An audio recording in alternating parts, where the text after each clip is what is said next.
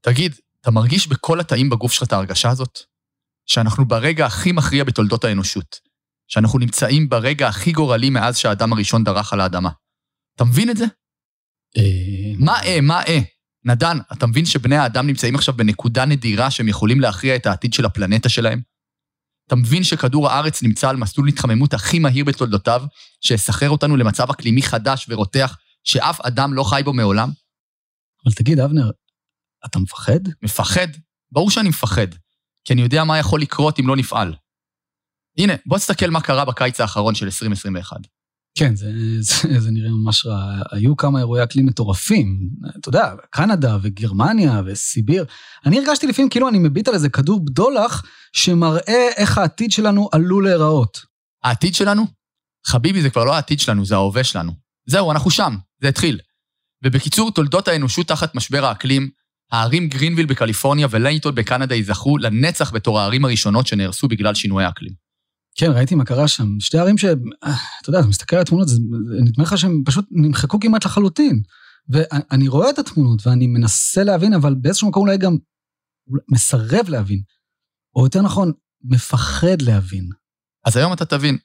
אתה תבין שאנחנו נמצאים בעצם בפתחה של נקודת האל-חזור. וזה לא משחק, יש לנו כדור ארץ אחד בלבד. וזה אומר שאם לא נפעל עכשיו, אז אנחנו דנים את עצמנו ואת הילדים שלנו והנכדים שלנו והנכדים שלהם והנכדים של הנכדים שלהם לעולם של דם ואש ותמרות עשן. אז מה אתה אומר לי בעצם, אבנר? אתה, אתה בעצם אומר לי שיש לנו רק צ'אנס אחד, רק הזדמנות אחת לשנות את מהלך החיים שלנו? בדיוק. יאללה, בוא נתחיל.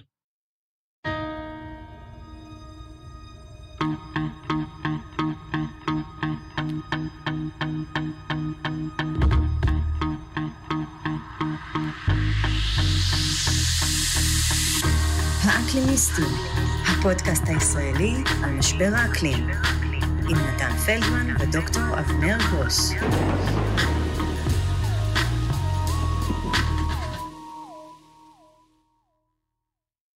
ברוכים הבאים וברוכות הבאות לאקלימיסטים, הפודקאסט הראשון בישראל על משבר האקלים, הפודקאסט שידפוק לכם פטיש חמישה קילו בראש כדי לגרום לכם להתעורר, להפסיק להתעסק בשטויות ולהבין שאנחנו ניצבים בפתחו של המשבר הגדול ביותר שידעה האנושות, שאנחנו רגע לפני נקודת האל-חזור, שאנחנו יכולים להציל את הציוויליזציה ולהעניק לעצמנו תעודת ביטוח חיים נגד קטסטרופה שאנחנו לא מעזים אפילו לדמיין.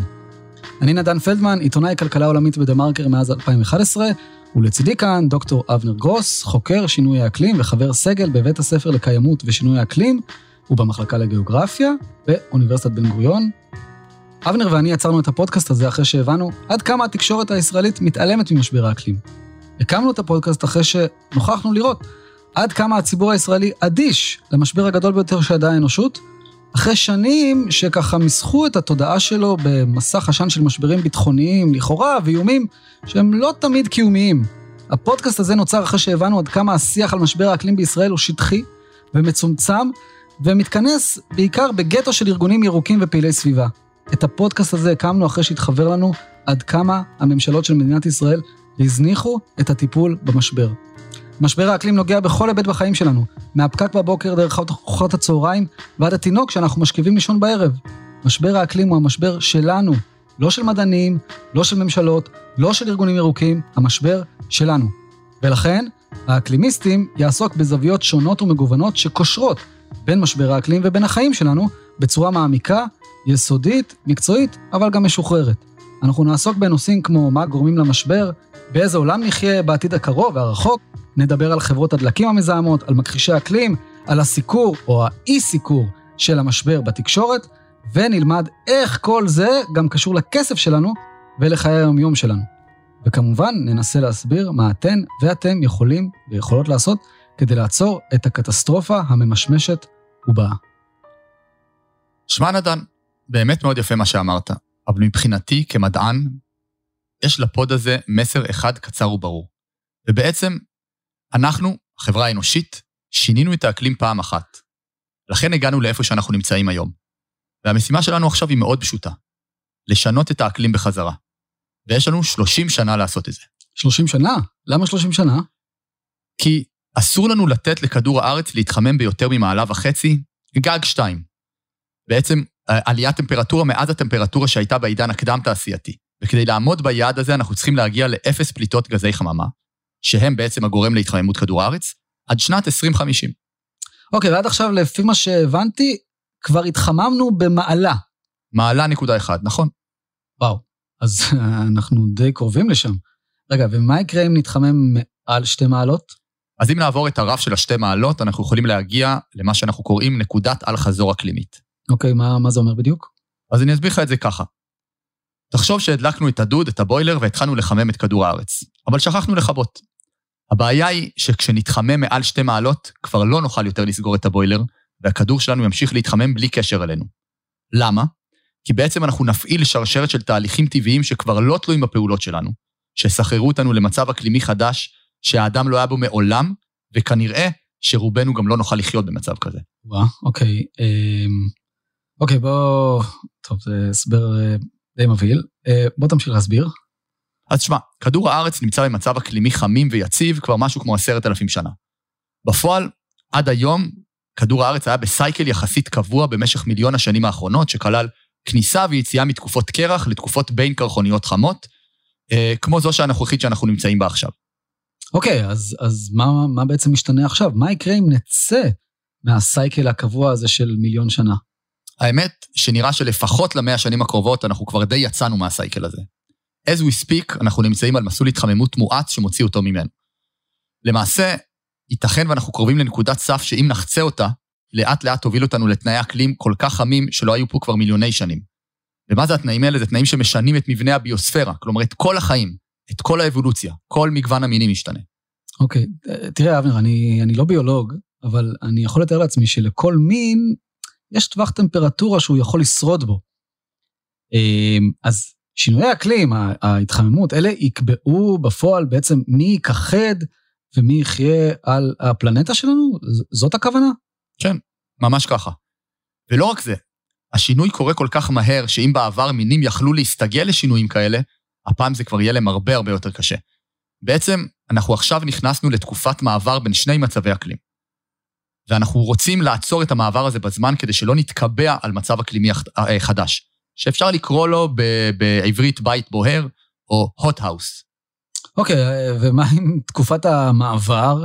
היא לא מסוכנת לחיים האנושיים אה, על כדור הארץ? ברור שהיא מסוכנת. בעצם כל הדרך בין המצב האקלימי הנוכחי למצב האקלימי הבא היא מסוכנת, כי היא מוציאה אותנו מהאיזון האקלימי שהיינו רגילים אליו עד היום. בעצם עודף החום שיש במערכת, בפלנטה, מוביל לאירועי אקלים קיצוניים שצפויים להכות לנו בלי רחמים בכל מקום בעולם. כמו סופות עזות, בצורות קשות, שריפות עוצמתיות, גלי חום קטלניים, ובסופו של דבר, אם נחצה את הסף הזה, כדור הארץ יהיה אחר לגמרי ממה שאנחנו מכירים היום, ובכלל לא בטוח שכולנו נוכל לחיות בו. אוקיי, okay, תן לי לנסות לסכם. אנחנו היום במעבר בין שני מצבי אקלים שונים. מעבר ממצב יציב למצב של אה, מה שכינית בית בוער. והמעבר הזה, הוא כבר מוציא אותנו מהיציבות האקלימית שהיינו רגילים אליה, והוא ילווה באירועי אקלים קטלניים. ולבסוף, אם לא נתעשת, אנחנו נגיע לנקודת אל-חזור אקלימית, שהיא נקודת הסף שאחריה לא משנה בעצם מה נעשה, אנחנו לא נוכל לעצור את הסחרור של כדור הארץ לעבר המצב האקלימי החדש, שהכניסה אליו תגרור הכחדות מינים ותהפוך אזורים רבים בפלנטה בעצם ללא ראויים לקיום חיים אנושיים. יפה. אז אתה מבין עכשיו למה אנחנו חייבים לעצור את זה בזמן? לגמרי, ולפי מה שאתה אומר, אה, יש לנו רק 30 שנה לעשות את זה. תשמע, זה לא 30 שנה על השעון, כן? 30 שנה, צריך להבין, זו תעודת הביטוח שלנו ושל הדורות הבאים. אם לא נאפס את פליטות גזי החממה תוך 30 שנה, אנחנו בוודאות נחצה את הסף של מעלה וחצי, ומאוחר יותר גם את הסף של שתי מעלות, ואם לא נחצה את הסף הזה, אנחנו בעצם מבטיחים את עצמנו מפני קטסטרופה אקלימית, וזה בעצם תעודת הביטוח הזאת של השלושים שנה. אוקיי, הבנתי. זה, זה לגבי האנושות. אבל תגיד, מה עם כדור הארץ האהוב שלנו עצמו? זאת אומרת, איך אני אגיד את זה? לא, לא אכפת, נכון? זאת אומרת, אתה בעצמך אמרת שכדור הארץ נכנס ויוצא מתקופות קרח, והיה חם יותר אה, אה, מהיום בעבר. נכון. אז לכדור הארץ האהוב שלנו באמת שלא אכפת. הוא יסתדר. אבל לנו, שחיים פה היום, אני ואתה, אכפת. מאוד מאוד אכפת. ובוא אני אסביר לך למה. האקלימיסטים אוקיי, אבנר, אז אמרת שלכדור הארץ לא אכפת משינוי האקלים, ב- בלשון אה, קלילה, כן? כי אה, הוא כבר חווה אה, כאלה מצבים בעבר, והוא גם יחווה בעתיד, אבל לבני אדם צריך להיות מאוד מאוד אכפת, ופה תרשה לי להקשות עליך. הרי אם האקלים השתנה בעבר, כמו שבעצמך אמרת, בין תקופות קרח לתקופות בין קרחוניות, אז סימן שהאקלים הוא דבר לא יציב שמשתנה כל הזמן. אם ככה, איך זה שהצלחנו להקים פה חברה אנושית כל כך משגשגת? שאלה מעולה. שמעת פעם על פירמידת הצרכים של מאסלו? ברור. אה, ובעצם השלב הבסיסי בפירמידה הוא הדרוש לקיום חיים אנושיים, אה, מזון, מים ומחסה. נכון. ואתה יודע איזה שכבה שכחנו וצריך להוסיף מלמטה? איזה? אקלים יציב. בעצם התרגלנו לזה שאנחנו חיים באקלים יחסית יציב כבר עשרת אלפים שנה, ושכחנו שזו הייתה חתיכת פריבילגיה. בעצם אפשר להגיד שכל השגשוג של המין האנושי הוא הודות למצב אקלימי היציב יחסית שאנחנו חיים בו עכשיו, ושבעקבותיו בעצם האדם, אנחנו הצלחנו להגיע לאיפה שאנחנו היום, תוך כדי מהפכה חקלאית, מהפכה תעשייתית, והיום מהפכה טכנולוגית. אז כל זה התאפשר בזכות היציבות האקלימית. יפה, אוקיי, אבל למה האקלים היה יחסית יציב? אז הסיבה לכך היא שבעצם מאז שיצאנו מתקופת הקרח האחרונה, לפני אותם עשרת אלפים שנים, נכנסנו לתקופה יציבה אקלימית אה, שנקראת עידן ההולוקן. ולמה זה קורה? כי במערכת האקלים יש משובים, תהליכים פיזיים, שכל הזמן שומרים לנו על איזון אקלימי. אתן לך דוגמה. אחד הגורמים שמשפיעים אה, הכי הרבה על האקלים הוא ריכוז גזי החממה באטמוספירה. ובפרק הבא נסביר בפירוט מה זה אומר. אבל בגדול, כל עוד הריכוז שלהם באטמוספירה נשמר יחסית קבוע, אז האקלים יישאר לנו יחסית יציב. אז בפלנטה שלנו, באופן פלאי, המערכת החיה, החיים, הצמחים, דואגים לכך שריכוזי גזי החממה יהיו יחסית יציבים כל עוד אין איזה משתנה חיצוני נוסף שמשפיע עליהם. למשל, הצמחייה והאוקיינוס לוקחים ופולטים את הפחמן הדו-חמצני, גז החממה העיקרי באטמוספירה, בקצב מאוזן וקבוע, בכמות קבועה, וכך בעצם הם מווסתים את הריכוז שלו ושומרים לנו על אקלים יציב לאורך אלפי שנים, ולפעמים גם לאורך מאות אלפי שנים. אוקיי, ומה קורה כשמשהו משתנה? כלומר, ש, שמשהו משנה את האקלים? אז אתה צריך איזשהו אילוץ חזק שישנה את המשובים הללו. או את ריכוז אה, גזי החממה באטמוספירה למשל, ואז זה פשוט ישנה את האקלים. אז אם כדור הארץ נגיד מתחיל להתחמם, או להתקרר מעבר לסף מסוים, והמערכת כבר לא יכולה לווסת את עצמה, אז היא מחפשת איזון במצב אקלימי חדש. ניתן לך דוגמה, אסביר לך איך זה עובד. למשל, אם יש לך כוח עוצמתי חיצוני, כמו השמש, או כוח פנימי חזק כמו הרי געש, או במקרה שלנו, בני האדם, כל הכוחות האלה יכולים לגרום לכך שכדור הארץ נהיה יותר חם. כשחם יותר, מה קורה? הקרח בכתבים למשל מתחיל להינמס. אם הקרח נמס, נחשף הים השחור שמתחתיו. עכשיו, אנחנו יודעים שצבע שחור בולע יותר קרינת שמש מצבע לבן של הקרח שמחזיר אותה לחלל. וזה בעצם גורם לכדור הארץ להתחמם עוד. אז בוא אני אשאל אותך, ומה קורה אז? מן הסתם יותר קרח נמס, ו- ואז בעצם נחשף עוד ים שחור. יפה. ואז אני מתאר לעצמי, התהליך הזה נמשך וגם מואץ. זאת אומרת, אה, אה, אה, אתה מתחמם עוד, וזה ממיס עוד קרח, ושוב יש התחממות, וחוזר חלילה. בדיוק. בוא ניתן עוד דוגמה למשוב כזה. אם למשל מתחיל תהליך התחממות, אז הגיוני שיהיה יותר אידוי ממי הים, נכון? כי יותר חם שווה יותר אידוי, נכון? כן, ברור. אז בגלל שאדי המים הם גז חממה בעצם, אז עודף האידוי הזה גורם לעוד התחממות, שגורמת לעוד אידוי, חוזר חלילה, עוד התחממות, עוד אידוי וכן הלאה. כן, שוב, ה-vicious cycle הזה. בדיוק. וזו בדיוק דוגמה לנקודות שמוציאות אותך מאיזון, או במילים אחרות, נקודות על חזור. כלומר, נקודות שמגבירות את המשובים המחממים האלה. כרגע אנחנו מתחיים בקצב לינארי שהגורם לו זה האדם, אבל לאט לאט אנחנו עלולים להגיע לנקודה קריטית, נקודת סף מסוימת, שבעצם תפעיל את המשובים המחממים האלה, את חלקם, את כולם, והם בעצם יהיו בלתי ניתנים לעצירה, גם אם תפסיק את הגורם הראשוני, האנושי במקרה הזה, להתחממות. בעצם זה כאילו מישהו לחץ על איזה כפתור שמשנה את האקלים לעבר מצב חדש. אוקיי, תן לי שנייה להקל על זה.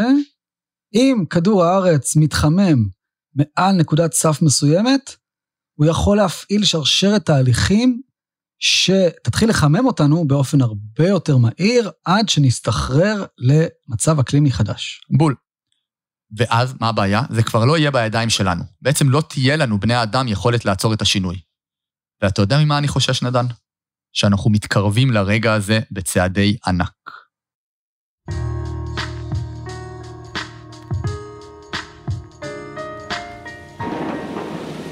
האקלימיסטים, הפודקאסט הישראלי על משבר האקלים.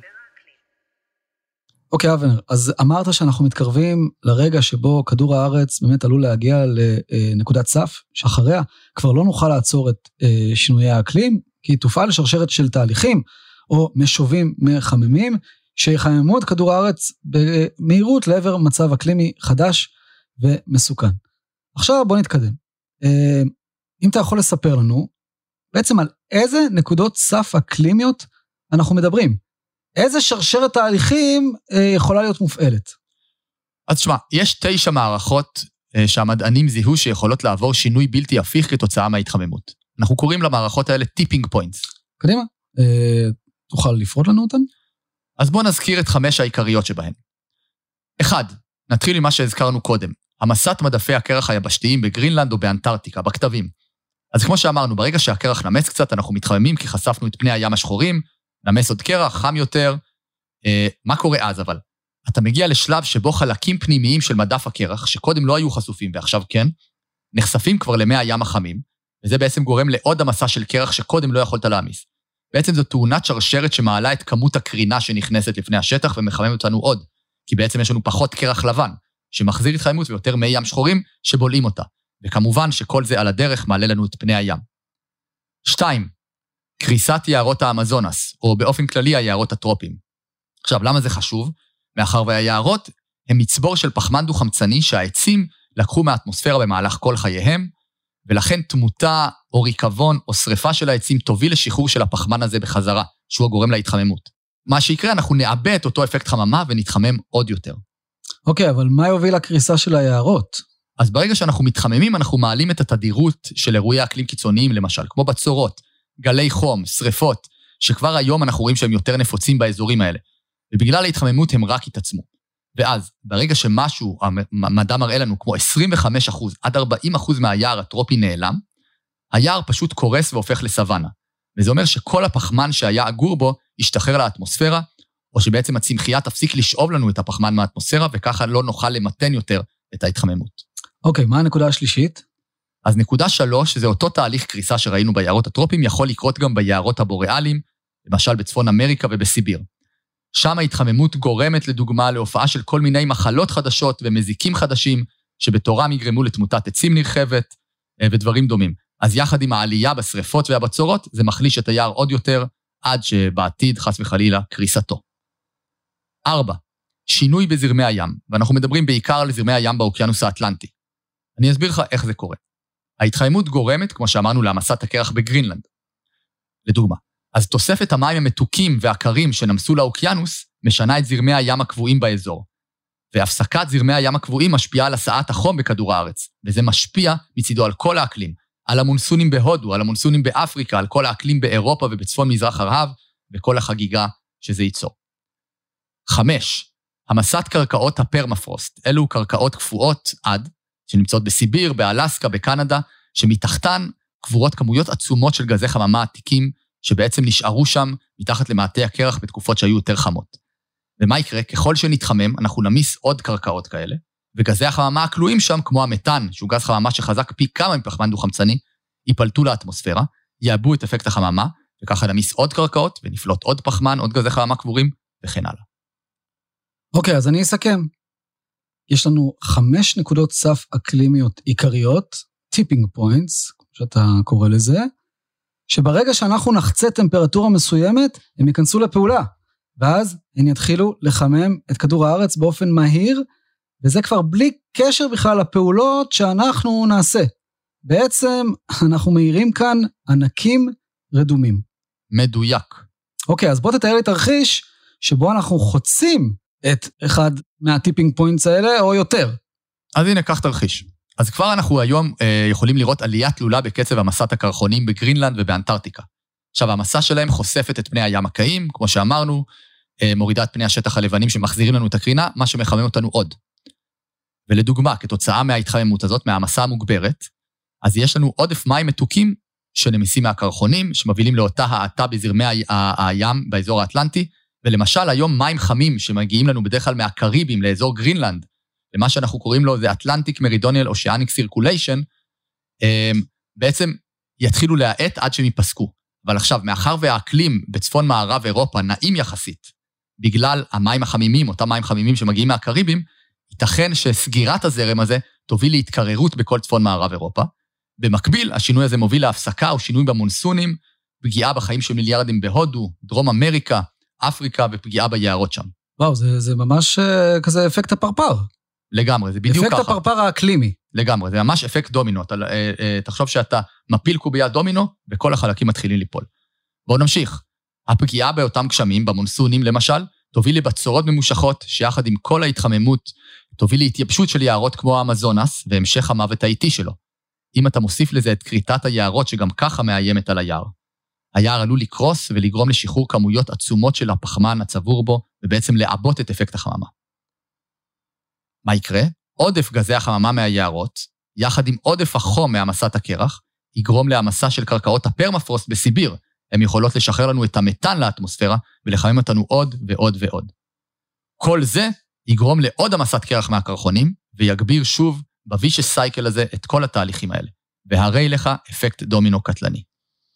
אוקיי, okay, אתה יכול אולי להרגיע אותי קצת? יש, יש משהו שאתה יכול לומר שאחרי כל התיאורים הבאמת קטסטרופליים האלה יכולים קצת להרגיע? אז, אז לגמרי, אני אופטימיסט מלידה, והדבר הכי מרגיע שאני יכול להגיד לך ולמאזינים, זה שכל הסיפור הזה עוד ניתן לעצירה נדן.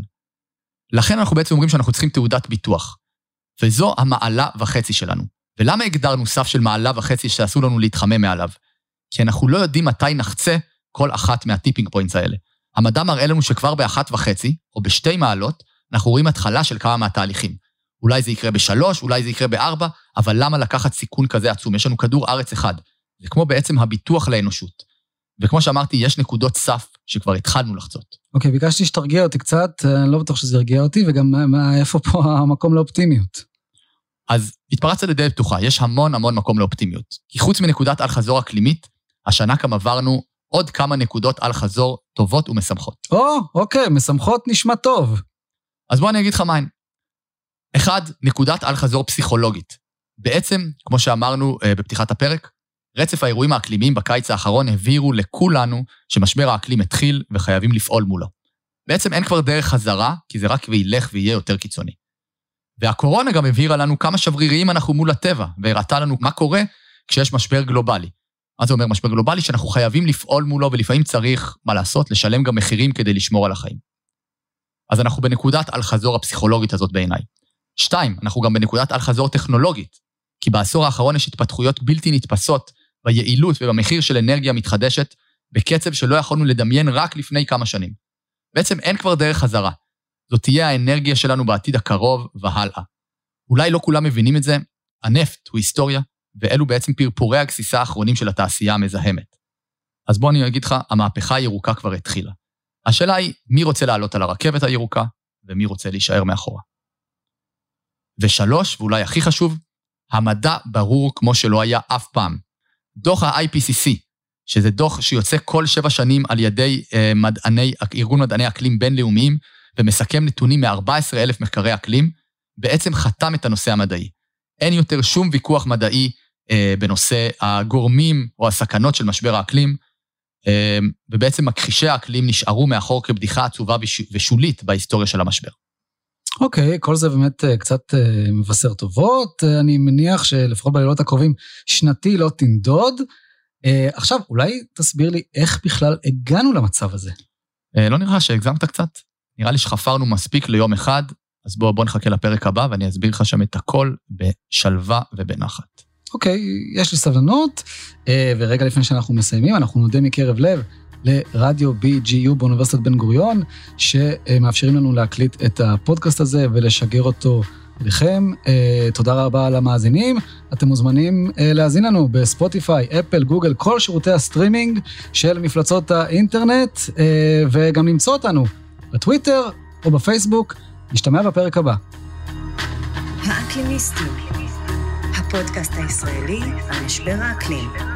עם נתן פלדמן ודוקטור אבנר גרוס.